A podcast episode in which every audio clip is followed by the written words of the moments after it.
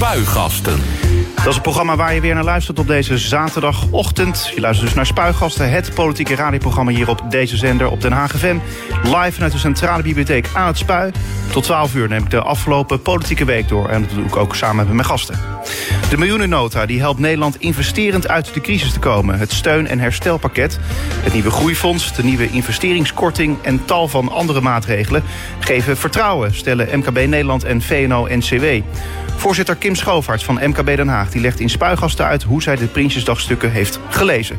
Allereerst goedemorgen. Goedemorgen. Ja, het was een drukke week. Eh, Prinsjesdag, allemaal maatregelen, persconferentie deze week.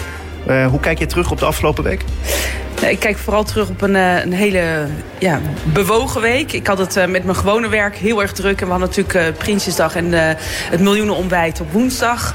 Ehm, Prinsjesdag was, was anders dan alle andere jaren. Het is een, ja, ik vond, vond, het vooral heel gek om te zien dat... Um, nou ja, hoe eigenlijk... Den Haag is altijd een feestelijke dag. En nu hing er een soort waas van... Ik was zelf ook niet in de stad. Zo'n zo'n waas van...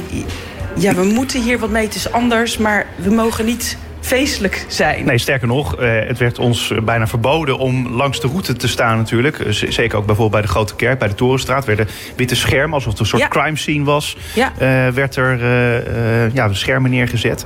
Een beetje surrealistisch eigenlijk zelfs. Heel gek. En dan ook wat, wat ik met name heel erg confronterend vond... was ook die mondkapjes. Mensen met mondkapjes die aankomen. ja, dat is nu de realiteit op dit moment. Het nieuwe normaal, ja precies. Uh, en uh, de troonrede uh, en, en ook de miljoenennota. Ja, is dat dan voor jou nog een, een, in die zin een spannende dag? Van wat gaat het kabinet zeggen? Of heb je dan toch zoiets van... Ja, je hebt contact natuurlijk met MKB en je hebt met VNO-NCW... de landelijke organisaties. Dus jij weet eigenlijk wel een beetje wat er gaat komen dan? We weten dan wat er gaat komen. Je krijgt dan onder embargo krijg je um, de persconferentie wat ze gaan zeggen te zien. Um, en normaal is zo'n dag dat je eigenlijk de hele dag in de stad bent. Dat je eerst, uh, tenminste wat mijn dag dan normaal is. Ik, ik start altijd met koffie drinken op het Noordeinde met een collega. En daarna ga je naar de, grote, naar de, naar de kerk op Lange Voorhout. Vervolgens naar de Polgi-studio. Daar is altijd een e-, econoom van de, Rabo, uh, van de Rabobank, van ING. Die daar spreekt. En vervolgens ga je naar Nierspoort toe. Dat is de normale dag op uh, Prinsjesdag. De normale route en daar was helemaal niks van route. over. En nee, en nu was ik gewoon thuis aan het werk. Ik had wat deadlines lopen en tegelijkertijd had ik de televisie aanstaan. Uh, ja, natuurlijk, we waren heel erg druk uh, met, uh, met miljoenenontbijt. Op ons, omdat onze keynote speaker er helaas niet kon zijn. Dus we zijn heel hard bezig geweest om, een, om vervangers te vinden wat gelukkig gelukt is. Dus ik was met name daar heel druk mee bezig. en nou, de inhoud van de, van de miljoenennota, dat we gewoon blijven investeren. Dat men blijft investeren, ja. daar ben ik gewoon heel erg blij mee. En, en blader jij vooral het stukje over de investeringen, over de economie. Blader jij die dan door? Of is het zo dat, dat je ja, de rest, uh, dat, dat boeit dan niet zo? Nou, voor, voor, vanuit mijn functie kijk je met name naar de econo economische paragraaf. Uh, wat, wat gaat er gebeuren? Maar ik, net als vanochtend kijk ik dan meer van in de, in de krant... wat, wat is eigenlijk... Hè, die miljoenennota die wordt altijd heel gretig gelezen... maar als je dan een paar dagen verder kijkt, dan krijg je daar wat meer diepgang te lezen wat, uh, wat er staat. Um, en ik vond uh, de troonrede van, uh, van de koning, hè, dat hij iets persoonlijks daarin neerlegt. Ik, ik, denk dat dat heel belangrijk is. Je kan heel hoog over gaan praten, maar uiteindelijk gaat het ook van ja, wat betekent het voor jou, wat betekent het voor mij? Ja. Um, nou, we gaan er zo meteen eh, verder over praten. Want uh, uh, we gaan zo meteen natuurlijk naar het weekoverzicht. En daar onder andere natuurlijk de troonrede.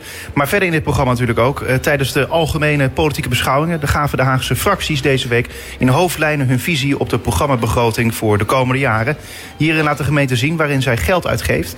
De beschouwingen zijn een aftrap voor de besprekingen... van de gemeentebegroting in de eerstvolgende raadsvergadering. In Spuigasten reflecteren de fractieleiders Hanneke van der Werf van D66... en Pieter Grimwis van de Christen ChristenUnie SGP op de algemene politieke beschouwing. Dat dus straks in Spuigasten. Maar eerst... Het politieke weekoverzicht. Maandag 14 september. De Haagse woningcorporaties en de gemeente Den Haag... die luiden een dag voor Prinsjesdag de noodklok richting het kabinet. De corporaties uh, dreigen niet genoeg woningen te kunnen bouwen... omdat ze te weinig geld hebben. Een derde van het landelijk tekort valt in deze regio. We komen met uh, 10 miljard tekort, zeggen de woningcorporaties en de gemeente.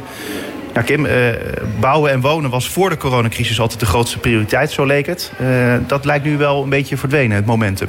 Ja, En uh, dat, dat moet toch weer hoog op de agenda. Want die, die woningen moeten gebouwd worden. Men moet kunnen wonen. Het is echt met name in Den Haag ook een schrijnend tekort. maar dan hebben we natuurlijk ook de hele PFAS-discussie. dus die moet, die moet gewoon doorgevoerd worden. Want anders krijgen we daarna straks weer problemen. Als dat niet opgelost is dat, je, ja, dat er nog steeds niet gebouwd kan worden. Eigenlijk wel heel gek toch als je zo denkt. Inderdaad, de stikstofdiscussie was heel erg groot voordat we uh, corona kregen. Ja, daar hoor je helemaal niemand meer over. Nee, het kan dus altijd nog erger. Ja, dat is, uh, dat is zeker waar. Alleen, ja, hoe zorg je ervoor dat het weer bovenaan de agenda komt? Nou, uh, door, daar, uh, door die noodklok ook te luiden. Ik weet dat Bouw Nederland is daar heel erg druk mee bezig in de, in de lobby. Ook in de gesprekken met de, met de Rijksoverheid. je moet het op de agenda houden. En ook juist de discussie die er was...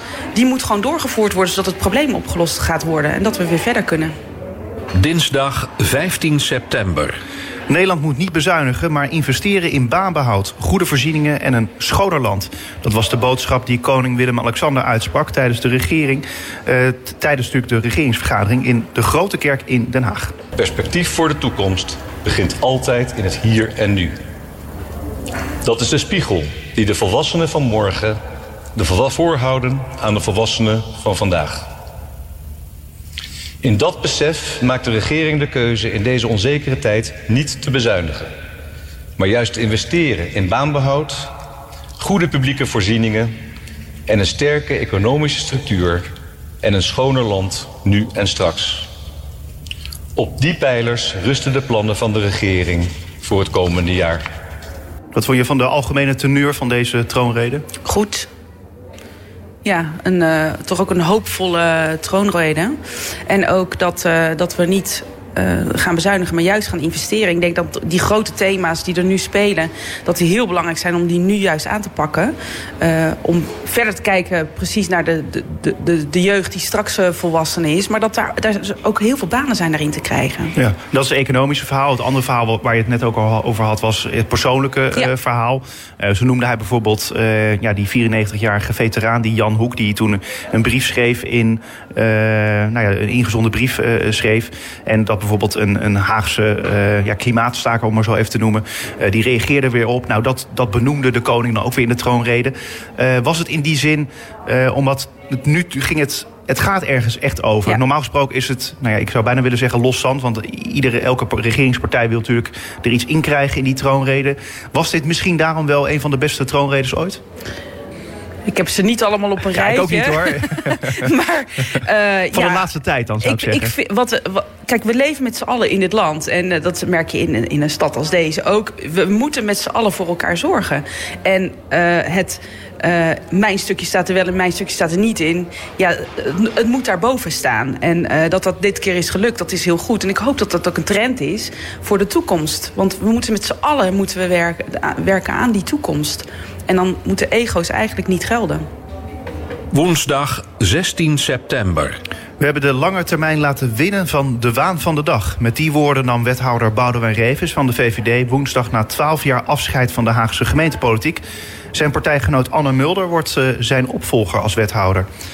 Nou, Kim, wet, uh, wethouder Revis wordt dus vertrokken. Wat vond jij zelf van deze wethouder? Ik had uh, vanuit de portefeuille had ik niet heel veel met, met Boudewijn te maken. Wel drie jaar geleden inmiddels nodigde hij me uit om naar de Haagse Markt te gaan. Om daar te kijken naar de ondernemers daar. Om die ook te vertegenwoordigen.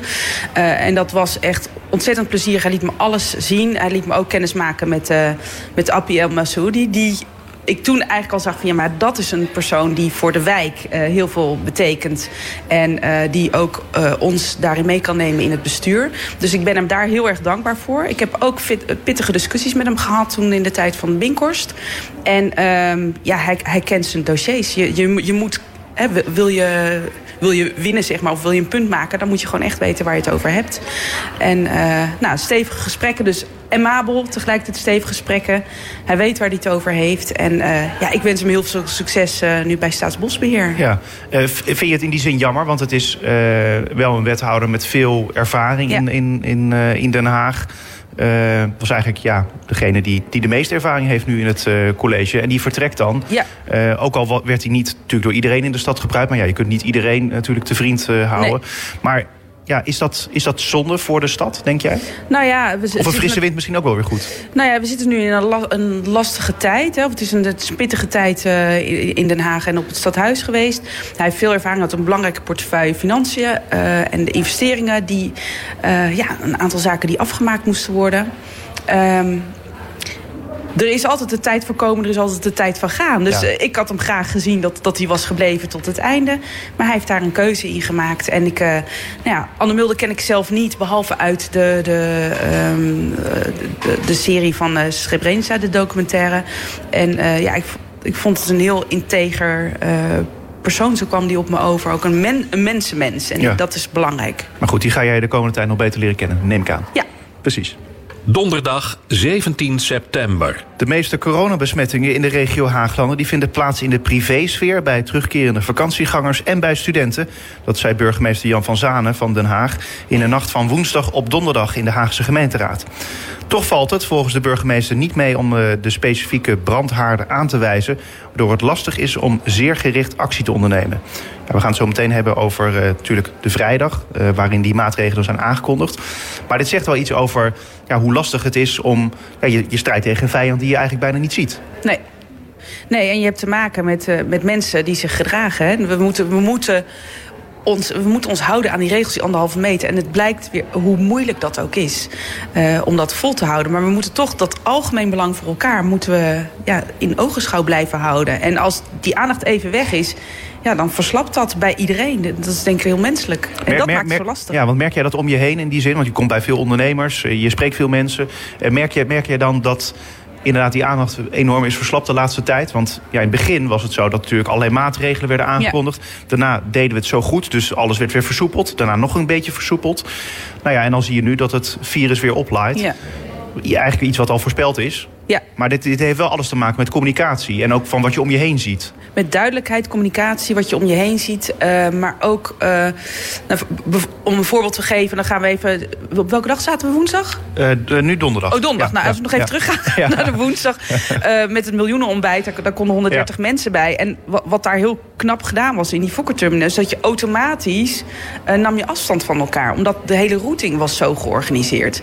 En dan ga je inderdaad doen welke kant je op moet. Maar op het moment dat dat er niet is en je kunt hier overal zitten... ja, dan ga je heel snel toch dichter naar elkaar toe. Ja. Dus het is met name goed nadenken over routings lopen... Uh, maar ook communicatie daarover. Dat continu herhalen, die anderhalve meter.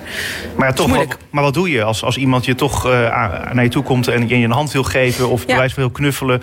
Ja. ja, het is ook moeilijk om dat tegen elkaar te zeggen... en erop aan te spreken. Ja, ik heb het zelf meegemaakt dat, uh, dat een nieuwe buurvrouw gewoon op me toe liep, een hand liep. En ik dacht, Ja. ik heb een hand gegeven. Weet je, het is, het is zoiets iets, uh, dat je denkt, oh, maar en nu? Ja, je komt niet meer terug. En, en iemand daarop aanspreken, dat is, ik, ik vind dat ook ingewikkeld. Dus ik Ja. neem zelf, probeer ik die afstand te houden.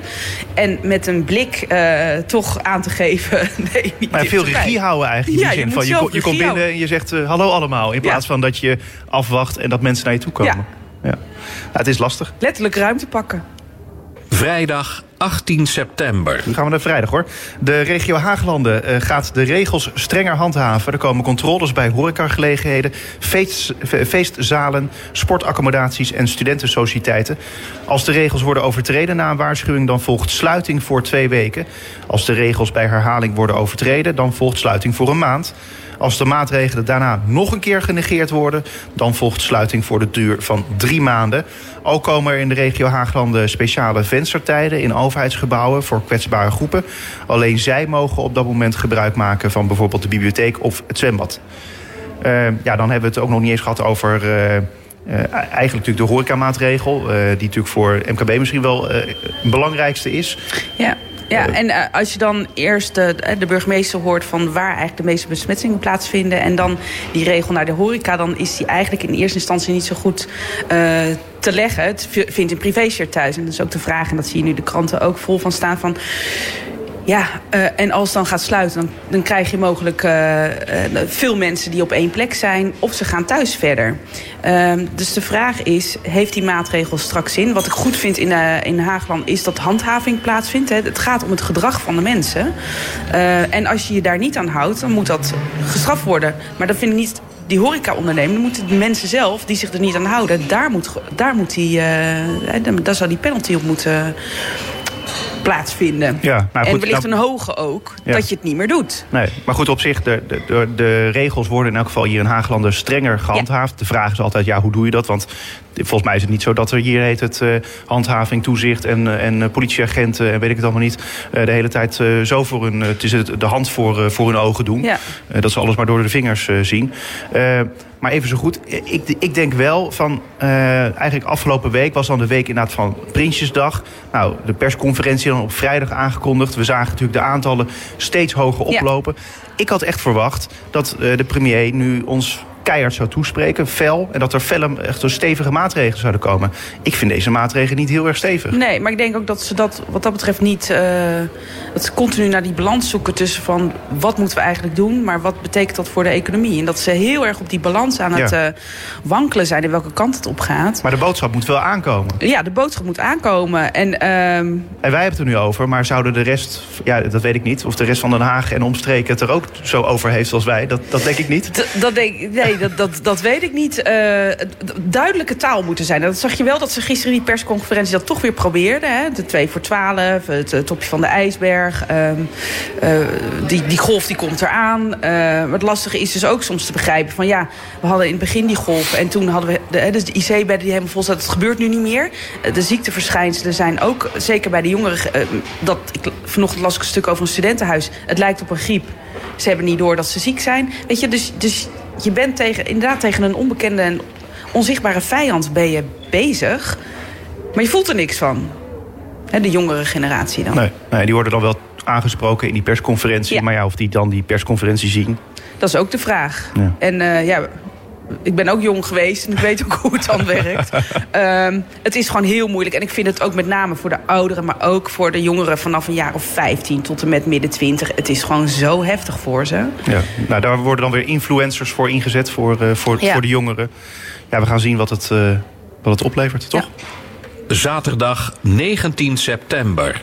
Den Haag wordt een beetje Amsterdam ik durf het bijna niet te zeggen. In uh, woonwijken als uh, de Binkhorst en het uh, gebied rond de drie Haagse inter intercity-stations... hoeven nieuwe bewoners niet meer te rekenen op een parkeerplek op straat. De spotgoedkope parkeervergunning van pakweg 5 euro per maand gaat aan hun neus voorbij, schrijft AD Haagse Courant vanochtend. We zorgen nog wel voor een plek voor de loodgieter, de pakketservice en de zorgverlener. Maar dat is het dan wel, zegt wethouder Robert van Asten van Mobiliteit. Vind je dat een beetje een logisch verhaal? Ja, als er geen plek is, is er geen plek. Um, ja. Ja, en het zijn nieuwe bewoners, dus ze weten dat dit, dat dit situatie is, dat, er, dat dat niet kan. Ja, dan maak je de keuze, wil ik daar wonen of niet? Wil ik daar wonen zonder auto? Je zit boven op het station zo ongeveer. Uh, er zijn heel veel mogelijkheden om auto's te huren, te lenen. Uh, misschien wil je fietsen. Uh, als je het van tevoren weet, ja, dan is dat een keuze die je maakt. En ja, het moet wel bereikbaar zijn voor de mensen die daar moeten werken... en die daar zorg moeten verlenen. Ja. Het is eigenlijk, ja, we hadden het over corona, dat is het nieuwe normaal. Maar dit wordt ook het nieuwe normaal. Dat je, nou ja, als je dus ervoor kiest om echt in hartje uh, centrum te gaan wonen, hartje binnenstad. Ja, dat je gewoon geen auto voor de deur kunt neerzetten. Ja, misschien wel in een parkeergarage. Maar dat je gaat delen, OV neemt, lopend gaat. Dat het meer gaat om, ik wil van daar naar daar komen en het maakt niet uit hoe. Als ik maar binnen een, een, een goede reistijd daar kan zijn. Want dat is dan natuurlijk nog wel een, de tegenhanger daarvan. Moet je ook zorgen dat het openbaar vervoer goed is. Zeker. Uh, tot zover het weekoverzicht. Meer nieuws vind je op onze website denhaagfm.nl. Spuigasten. Den Haag. De miljoenennota die helpt Nederland investerend uit de crisis te komen. Het steun- en herstelpakket, het nieuwe groeifonds en de nieuwe investeringskorting en tal van andere maatregelen geven vertrouwen, stellen MKB Nederland en VNO-NCW. Voorzitter Kim Schoofarts van MKB Den Haag legt in spuigasten uit hoe zij de Prinsjesdagstukken heeft gelezen. Ja, Kim, eh, in een crisis moet je bezuinigen. Dat doen ondernemers volgens mij zelf ook. Gooien mensen eruit bijvoorbeeld. Probeer natuurlijk mensen zo lang mogelijk uh, aan te houden. Maar waarom is het dan wel goed dat het kabinet investeert? Dat is toch een beetje vreemd? Ja, en ik wil nog even terugkomen op ze gooien mensen eruit. Ja, niet allemaal. niet, kijk, ondernemers die willen niet mensen ontslaan. Maar als het moet, hè, je, je moet een gezonde organisatie, moet je, je moet klaar zijn voor de toekomst. Waar men nu heel erg op, op, uh, op inzet is van als jij gaat investeren... dan betekent dat ook dat je dan weer mensen kunt aannemen. Of, uh, zoals de premier gisteren zei over de nieuwe productielijn dat men wordt gestimuleerd om toch weer geld uit te geven. En daarmee uh, nou ja, gewoon weer mensen aan het werk krijgen. En ook je bedrijf toekomstbestendiger te maken. Uh, de tweede die wat belangrijk is, is dat je van werk naar werk gaat. Stel dat je een organisatie bent, en dat is iets waar wij met de MKB Den Haag heel druk mee zijn. Stel dat je een organisatie uh, bent en je hebt mensen die weg moeten bij jou in plaats van alleen te denken van nou, ik moet weg, ik moet zelf door. Dat je dan gaat kijken, ja, maar wat betekent het voor deze mensen? En is er misschien een ander bedrijf op het bedrijfterrein of in, in Den Haag, uh, waar dan ook, die misschien deze mensen wel kan aannemen. Dus dat je niet meer van de instanties gebruik moet maken, maar dat je van werk naar werk gaat. Ja, die, die snap ik heel goed. Alleen uh, daarover denk ik dan, ja, heeft een ondernemer daar tijd en zin in om dat te gaan regelen? Want wat heeft die ondernemer er dan aan? Nou, wat die ondernemer eraan heeft, is stel, stel dat je ontslagen bent en jouw werkgever, of je wordt ontslagen en jouw werkgever denkt met jou mee uh, naar je toekomst. De exit is heel belangrijk. Hè? Die mensen gaan wel straks over jouw organisatie vertellen. Dus op het moment dat je op een hele vervelende manier weggaat bij die organisatie, ja, dan hè, slecht, slecht nieuws verspreidt zich heel erg snel. Je zegt van nou, bij die moet je niet zijn. Uh, dus op het moment dat je dat op een goede manier doet, dan is dat eigenlijk ook weer een visitekaartje voor je organisatie. Ja. Dus, Alleen uh, als jij echt die crisis natuurlijk, als je hard geraakt wordt door die tuurlijk. crisis, dan heb je daar toch helemaal geen nee. zin en tijd voor. Nee, maar daar, daar zouden dan organisaties als die van ons, hè, de koepelorganisaties, uh, MKB, VNO en ook samen met de gemeente daarover na, na gaan denken. En daar zijn we nu ook mee bezig vanuit het project Perspectief of Berk. Oké. Okay. Ja. Maar, maar uh, eh, to, toch, toch blijft bij mij een beetje ja, uh, hangen dan van ja, het kabinet gaat dan uh, investeren. Uh, ja, eigenlijk een, een, een, sterkere overheid wordt er ook gezegd in, in de troonrede. ook, dat bleek ook eigenlijk wel weer tijdens, ja, tijdens, tijdens de beschouwing in de Tweede Kamer. Dat bijna iedereen tot nu toe zegt in de Tweede Kamer... ja, die overheid is nu belangrijk en sterk. Ja. Dat is toch eigenlijk ook heel vreemd. Want als we kijken naar de crisis die we hebben gehad in 2008, de financiële en economische crisis. Toen, toen werd er juist bezuinigd op de, uh, op de overheid. Ja. En we hebben gezien wat dat dan voor effecten heeft uh, gehad. En nu gaan we ineens investeren. Ja, Uh, maar de situatie was anders. Ja. De situatie was natuurlijk anders. Je had de bankencrisis, was één. Uh, en daarmee donderde alles. En ook de malafide hè, hypotheken, dat soort zaken. Dus dat, dat donderde ja. ineens in elkaar. Nu hebben we te maken met een, uh, met een maatschappelijke of een gezondheidscrisis. Ehm, waarbij gezonde bedrijven heel hard worden geraakt. Dus uh, op het moment dat je investeert en ze kunnen weer verder, ze hebben perspectief. Ze zien andere mogelijkheden, dan hou je die bedrijven, en die, die, die overleven dan gewoon. Dus ik denk dat dat wel heel erg verschillend is. of dat, dat weet ik wel zeker, dat die situatie heel erg anders was. Um, maar ja, we weten eigenlijk pas over 10, 20 jaar of, of, het, of het goed hebben gedaan. Precies, hè? precies, precies. Uh, maar wat we nu natuurlijk wel weten, of is, dat probeer ik van jou te, te weten te komen. Uh, in hoeverre uh, is de coronacrisis, ja, in hoeverre heeft die de ondernemers in Den Haag, de MKB, geraakt? Heb je daar een beetje een beeld van gekregen? Nou, er zijn, er zijn heel veel aanvragen bij de, bij de gemeente ge, gedaan. Um, Voor TOZO, NOW? De TOZO, de NOW. Als je ziet, 17.000 aanvragen zijn er in Den Haag uh, daar op gedaan. Uh, het hangt heel erg van je organisatie af. je, je, hebt schoonmaakbedrijven die normaal op evenementen schoonmaken. Um, zoals ook woensdag werd gezegd, je hebt organisaties die hebben zich helemaal gespecialiseerd op evenementen overal of tentoonstellingen overal in de wereld te organiseren. Ja, daar worden gigantische investeringen voor gedaan. Dat ligt helemaal valt dat weg. En aan de andere kant heb je ook organisaties die bijvoorbeeld uh, uh, horeca-interieur maakten. En die denken van ja, maar ik ga nu desinfectiepalen maken. Weet je? Dus het is ook maar hoe, hoe creatief en hoe flexibel ben je als organisatie. En hoe snel kun je weer meebewegen om eruit te komen. Nou, de Haagse horeca is natuurlijk hard, hard geraakt. Um, en zo, zo zijn er ook weer ketens die dan omvallen. De catering, event catering.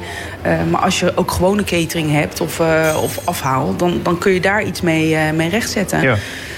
Uh, het lastige is natuurlijk ook dat we niet weten hoe lang het uh, gaat duren. Nee. Uh, ja, nee. dat is sowieso in een crisis. maar bij het college van de econoom bij het miljoenenontbijt van de Rabobank... althans, de econoom was van de Rabobank... toen leek het er een beetje al op alsof de economie volgend jaar alweer ja. beter gaat. Ja. Dus dat we er dan alweer wat van gaan merken. Ja. Ehm, ja, is dat een, be een, beetje een idee die jij ook hebt? Ja, jij nou bent geen econoom. Ik, maar... ik denk dat alles afhangt van, hebben we een vaccin of niet? En op het moment dat dat er is, ja, dan wordt het allemaal toch weer ruimer. Ja. Uh, en zolang die situatie onzeker is, uh, blijft het lastig als je nu ook kijkt hè, hoe, hoe België naar onze regio's kijkt, hoe Duitsland naar onze regio's kijkt. Stel je hebt bedrijven in, in, uh, in België, in Duitsland, die werken veel samen. je moet een, een, bepaalde machine moet je gaan bekijken. Dat, dat kan dan nu eigenlijk niet. Ja. dus dat is, maar ik denk, het vaccin, dat, is, dat zou een van de sleutels moeten gaan zijn. Komen we eruit volgend jaar of niet. Precies. Uh, en dan uh, tot slot, een van de belangrijke punten is uh, ook het vernieuwen van de economie. Dat bleek ook wel uit, ook uit de Prinsjesdag-stukken. Het, het, vernieuwen, van de, vernieuwen van de economie, ook verduurzamen, is, is natuurlijk ook een van de aspecten daarin. daar heb ik je al vaker over gehoord. Is dat dan iets ja, waar, waarbij wij in Den Haag al mee bezig zijn? In die zin, volgens mij wel, toch? Ik bedoel, dat is allemaal niets. Het vernieuwen van de economie is niet nieuw. Nee, alleen misschien wordt het nu tijd om echt door te pakken. Om, om eh, op het gebied van duurzame, verduurzaming. Er, hebben ook, er zijn zoveel meningen over wat is duurzaam, wat is niet duurzaam. Maar je moet een, volgens mij moet je gewoon een keuze maken. Wij gaan die kant op, dat gaan we aanpakken.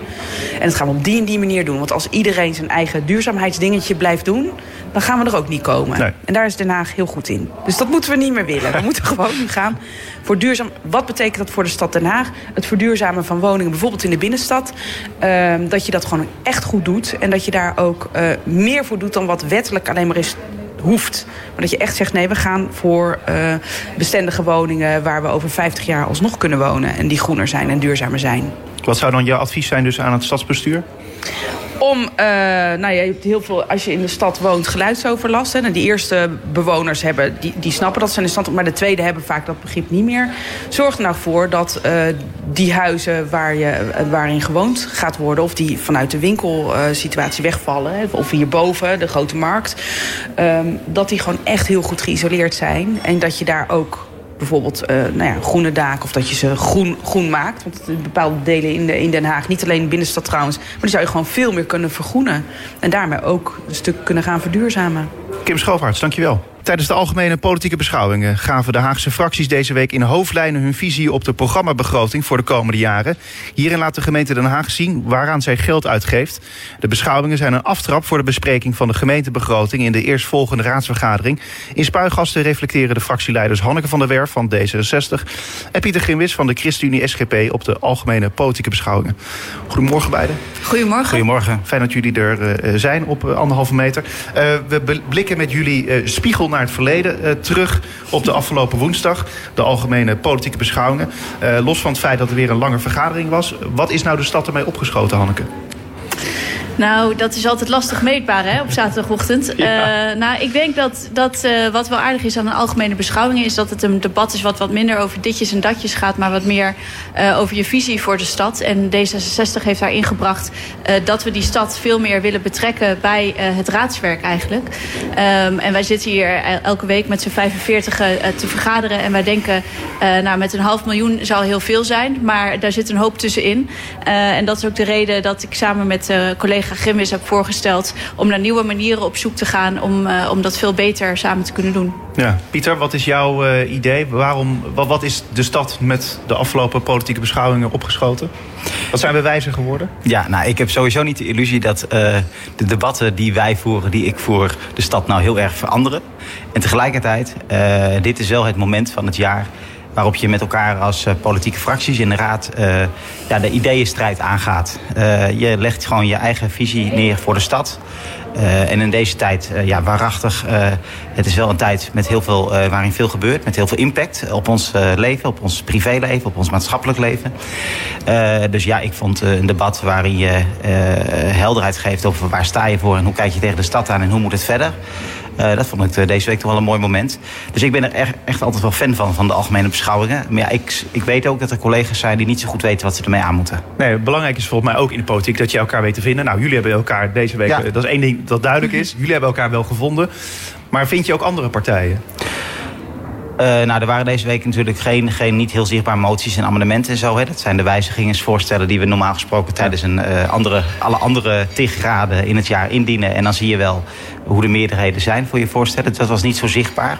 Jawel, ik uh, zag wel een aantal gemene delers. Uh, en belangrijk was dat eigenlijk niet alleen uh, ja, collega Van der Werf en ik met een voorstel kwamen over het beter de stad naar binnen trekken, maar ook wij meer de stad in. Het, om, om het echt meer samen te doen met de bewoners dat was een breed gedeeld geluid. collega De Mos kwam daarmee, een aantal andere collega's kwamen ermee. En nou, Hanneke had een werkgroep voorgesteld.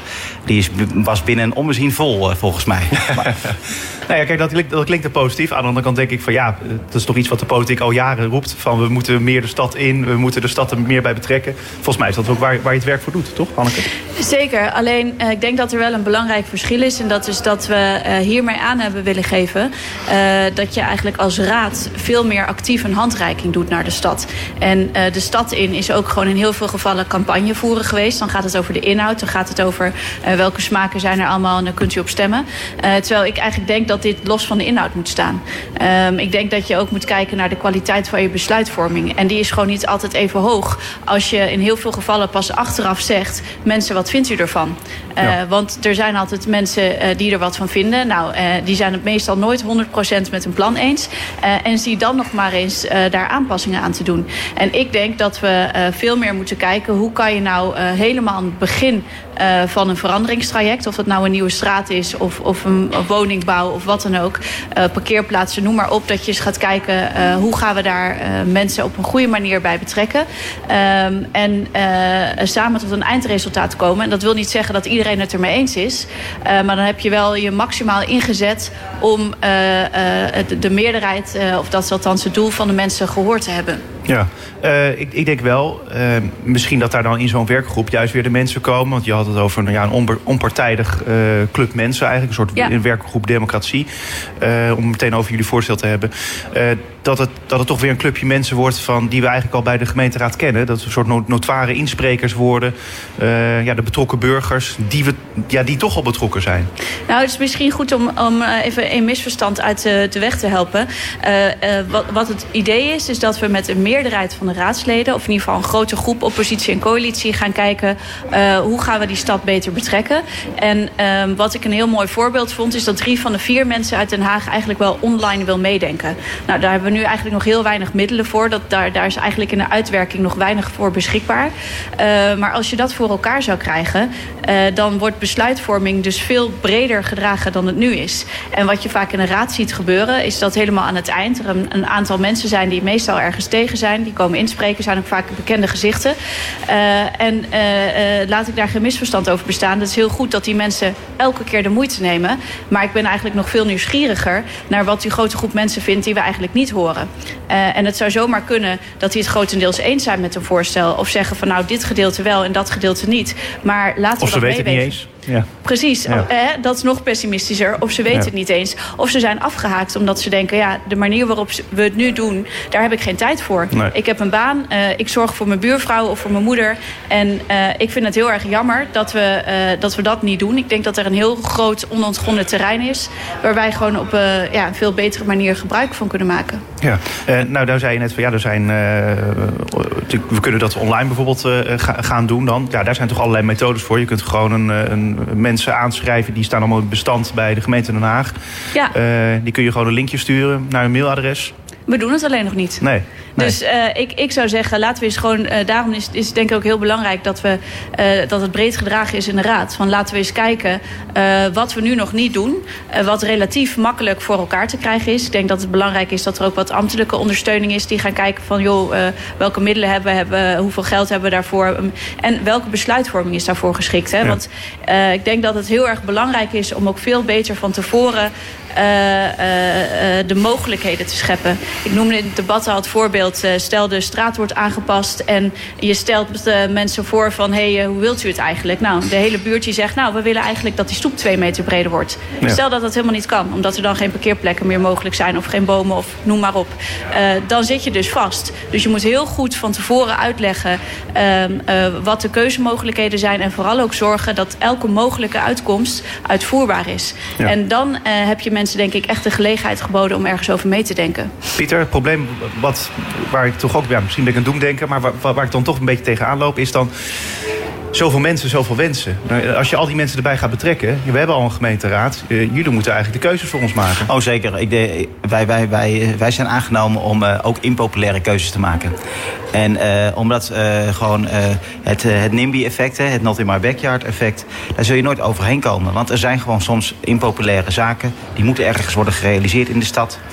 En er zijn er, altijd, ja, er zijn er altijd mensen die daartegen zijn. dat, is, dat is niet te voorkomen. Tegelijkertijd moet je niet onderschatten volgens mij hoe groot de drempel is om dat ijspaleis in te komen. ik zelf, ik weet nog wel, voordat ik raadslid werd, op een gegeven moment had ik wel door, oh er is een inspraakmogelijkheid in de, in de gemeenteraad. Maar dat vond ik toch wel een enorme drempel hoor. Ik weet niet of ik dat wel durfde. Moet je nagaan hè, dat, ik zit hier als raadslid al jarenlang te praten alsof het als, als brugman. maar dat, is, dat was zelfs voor mij was dat een enorme drempel. Nou, laat staan voor een willekeurige uh, medebewoner die helemaal niet zoveel met politiek heeft. Maar die wel in zijn leefomgeving wordt geraakt. En denkt van hier vind ik wat van. En dan is dat echt wel een drempel. Dus, uh, en ik vind wel we doen als stad al veel. Hè? Uh, uh, vooral in ambtelijke processen, inloopavonden, bij herinrichtingen. Maar de aantal keuzes die echt wordt voorgelegd uh, is beperkt. Ehm, ehm, ja, en, en er, zijn gewoon, er, er, is nog heel veel winst te boeken. Je ziet de laatste tijd wel Bijvoorbeeld bij mij in de buurt was er een speeltuin, die moest worden opgeknapt. En er werden twee varianten voorgelegd. En de mensen uit de buurt konden stemmen. Dat gebeurde. En het was inderdaad ongeveer 50-50. Maar er was net één variant met wat meer stemmen en die wordt het. Nou, dat is heel helder, dat is heel overzichtelijk, dat kan.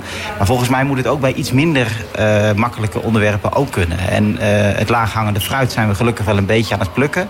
Vooral ook van de overkant. Maar wij als raad zijn eigenlijk ja, vooral bezig met uh, aan de achterkant uh, mensen te horen. Deels is dat onvermijdelijk, want wij als raad zitten aan de achterkant van het besluitvormingsproces. Heel veel plannen zijn daarvoor al uitgewerkt. Maar deels kan het ook echt wel beter. En we doen dat bijvoorbeeld hè, met de, de, stad in de, de raad in de stad. Normaal gesproken bij een reguliere gemeenteraad komen bewoners uit de stad naar het stadhuis toe om hun zegje te doen. We hebben een paar keer per jaar hebben wij ook, uh, gaan wij naar een stadsdeel om op locatie te vergaderen.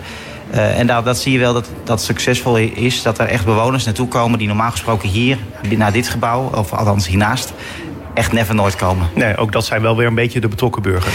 Dat zijn wel betrokken burgers. Kijk, maar tegelijkertijd ook bij verkiezingen. Uiteindelijk is de meest laagdrempelige vorm uh, om je stem te laten horen... In, is één keer in de vier jaar bij verkiezingen. En ook daar zie je natuurlijk enorme verschillen. Daar zie je gewoon een, een opkomst in de Vogelwijk van 75% en in Laak van 27 Ja. Dat zijn mega verschillen. Ik heb niet de illusie dat we ze over kunnen over, uh, ja, dat, dat we die helemaal kunnen wegwerken. Tegelijkertijd voel ik wel samen met, uh, met Hanneke de opdracht om meer mensen hier uh, het gevoel te geven dat hun stem ertoe doet en dat ze ook hun mening relevant is hier in dit IJspaleis. Ja. Hanneke, je hebt de raad dus in die zin al voor een groot deel mee. Ehm, nou ja, jullie vinden elkaar in dit voorstel al. Eh, ik zou bijna willen zeggen, wanneer kunnen we beginnen?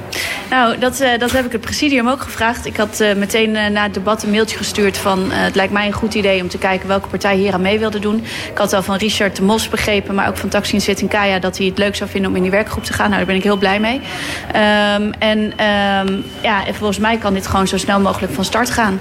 En ik, ik wil overigens, dat terecht dat mijn collega dat net opmerkt...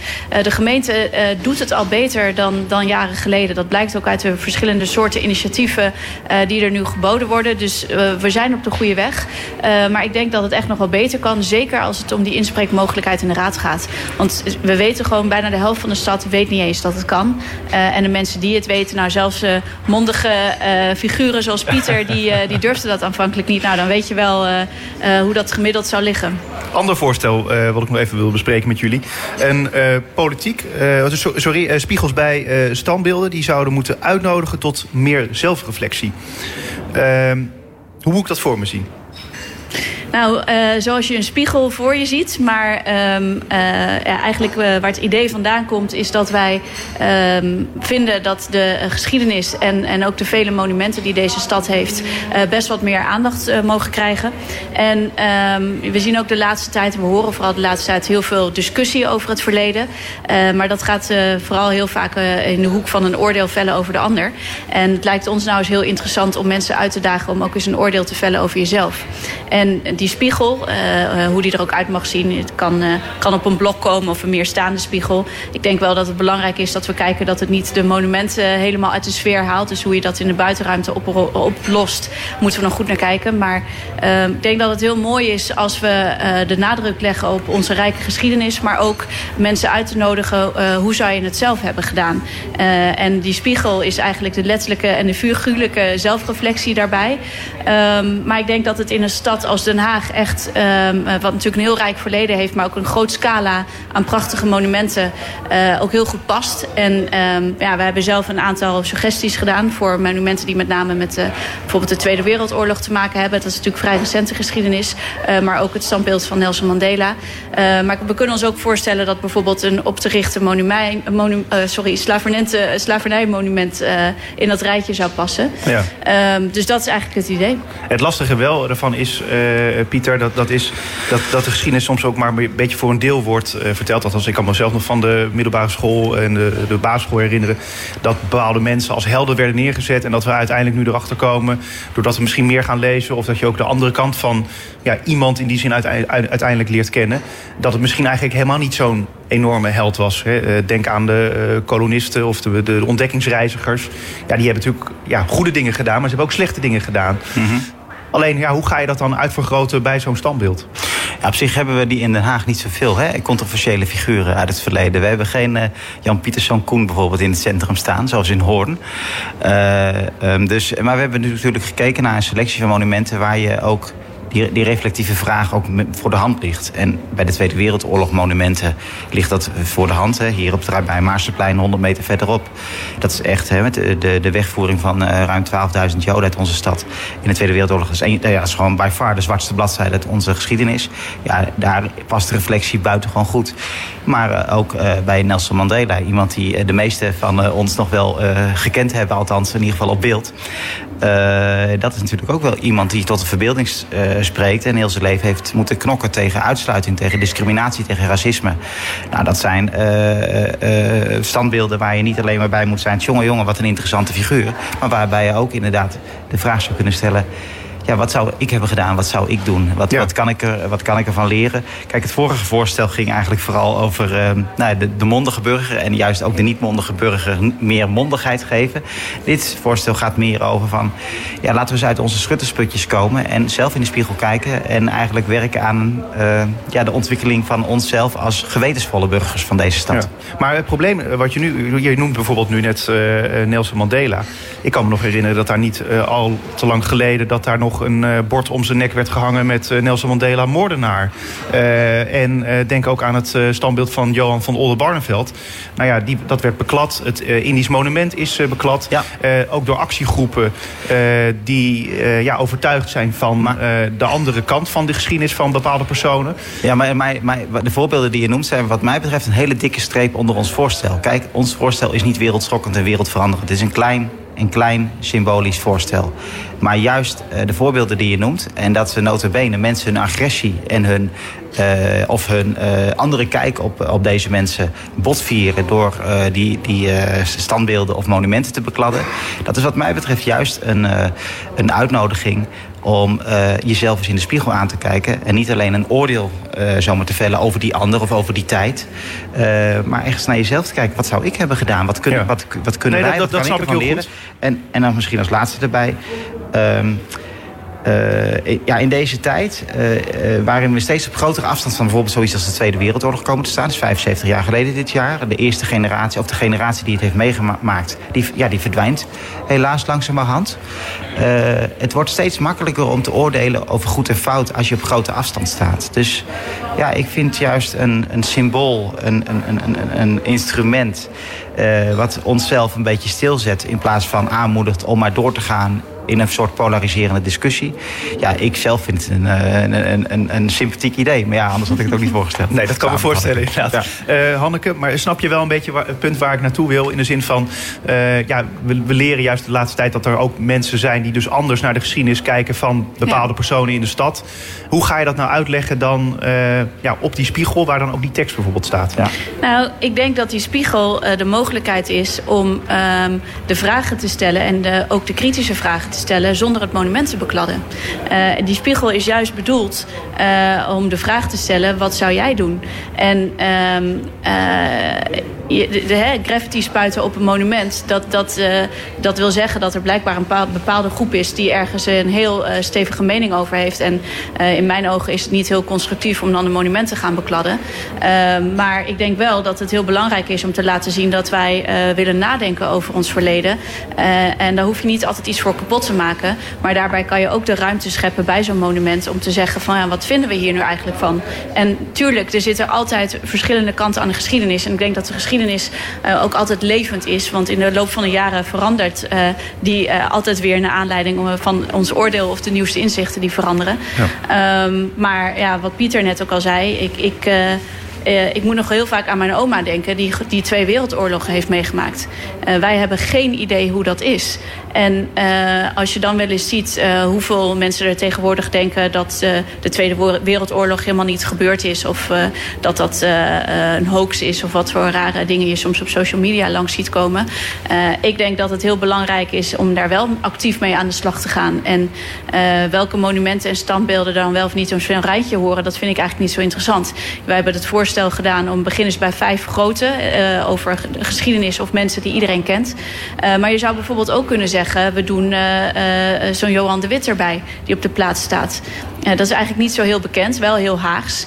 Um, en uh, ja, het is natuurlijk ook bizar om je voor te stellen dat er in deze tijd uh, een politicus zo in de cel zou belanden en uh, dat de menigte de ingewanden eruit zou, zou rijden, zeg maar. Maar dat is wel hier gebeurd. Ja. En um, ja, daar staan we eigenlijk heel weinig bij stil op het moment dat je langs zo'n standbeeld loopt. En ik denk dat het de uitdaging is om dat minder statisch te maken en meer uit te nodigen om daar ook echt over na te denken. Ja, nu moeten we juist politici beschermen. Dat is ja, andere deel van de geschiedenis. Ook geen vrije geschiedenis, nee. waar we wellicht over 100 jaar uh, ook wat van vinden. Ja. ja. Uh, tot slot, Pieter. ja, we, hebben nu, we pakken nu eigenlijk twee voorstellen eruit... van de algemene politieke beschouwing hier ja. in Den Haag.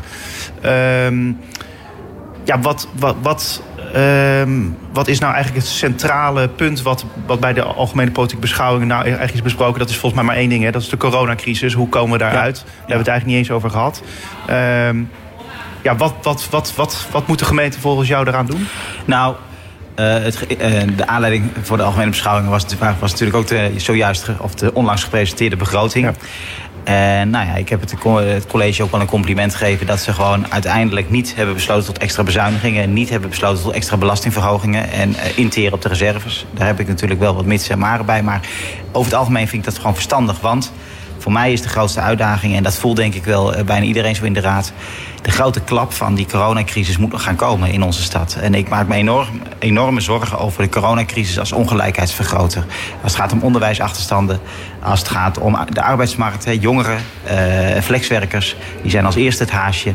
Terwijl mensen met een vaste baan uh, ja, die, die marcheren wel door zolang ze niet worden ontslagen. En zij worden wat minder snel ontslagen dan flexwerkers.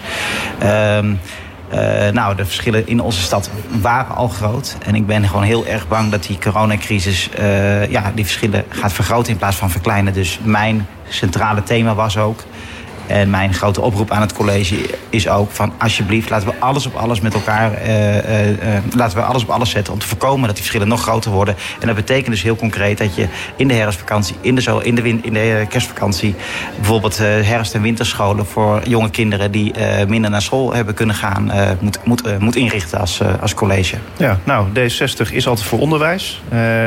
Jullie zijn ook ja, tegen de tweedeling in de stad. Volgens mij is dit bijna het verhaal van D60 uh, dat ik hier bijna bij Ja, ik, ik, uh, als ik dit zo beluister, dan lopen we het risico dat we tijdens de algemene uh, politieke beschouwingen of dan de begrotingsversie daarvan weer allemaal voorstellen samen gaan indienen. Ja. Nee, maar ik sluit me hier helemaal bij aan. Je, je, je hoort de verhalen van docenten die zeggen, ja, de, de kinderen die bij mij al onderaan in de klas bungelden, die zakten eigenlijk nog verder weg. Want daar is thuis gewoon de situatie niet naar om genoeg bij te kunnen blijven. en de kinderen waarmee het goed ging, daar ging het eigenlijk nog beter mee. En dat is eigenlijk precies wat je niet wil. Um, dus ja, wat ik gewoon heel erg hoop is dat er, uh, dat er uh, nou, op een gegeven moment een vaccin komt en we uh, dan van deze situatie af zijn. En dat we tot die tijd als gebied, wat nu geloof ik naar fase 2 is gegaan, ik noem het maar even oranje, dat we ook voldoende mogelijkheden krijgen om die epidemie goed binnen de perken te houden. Want ik maak me eerlijk gezegd wel zorgen over het testbeleid, over het tekort aan testen, over het tekort aan laboratoriumcapaciteit en ook over het feit dat we eigenlijk nog steeds niet, niet iedereen kunnen testen. Want er zijn natuurlijk ook gewoon mensen die hele milde klachten hebben... of eigenlijk geen klachten hebben. wel in contact zijn geweest met mensen die corona hebben, bewezen corona hebben. En op die manier eigenlijk in stilte het virus verspreiden. En ik heb het ook al tegen onze burgemeester gezegd deze week. Ik hoop echt dat hij de coronaminister ook achter de broek blijft zitten... om, om hier gewoon bovenop te zitten. Want zeker in de Randstad gaat het nu gewoon ongelooflijk hard. En ja, daar maak ik me wel zorgen om. Ja, uh, dus eindigt toch nog een beetje negatief mee zo, uh, Hanneke.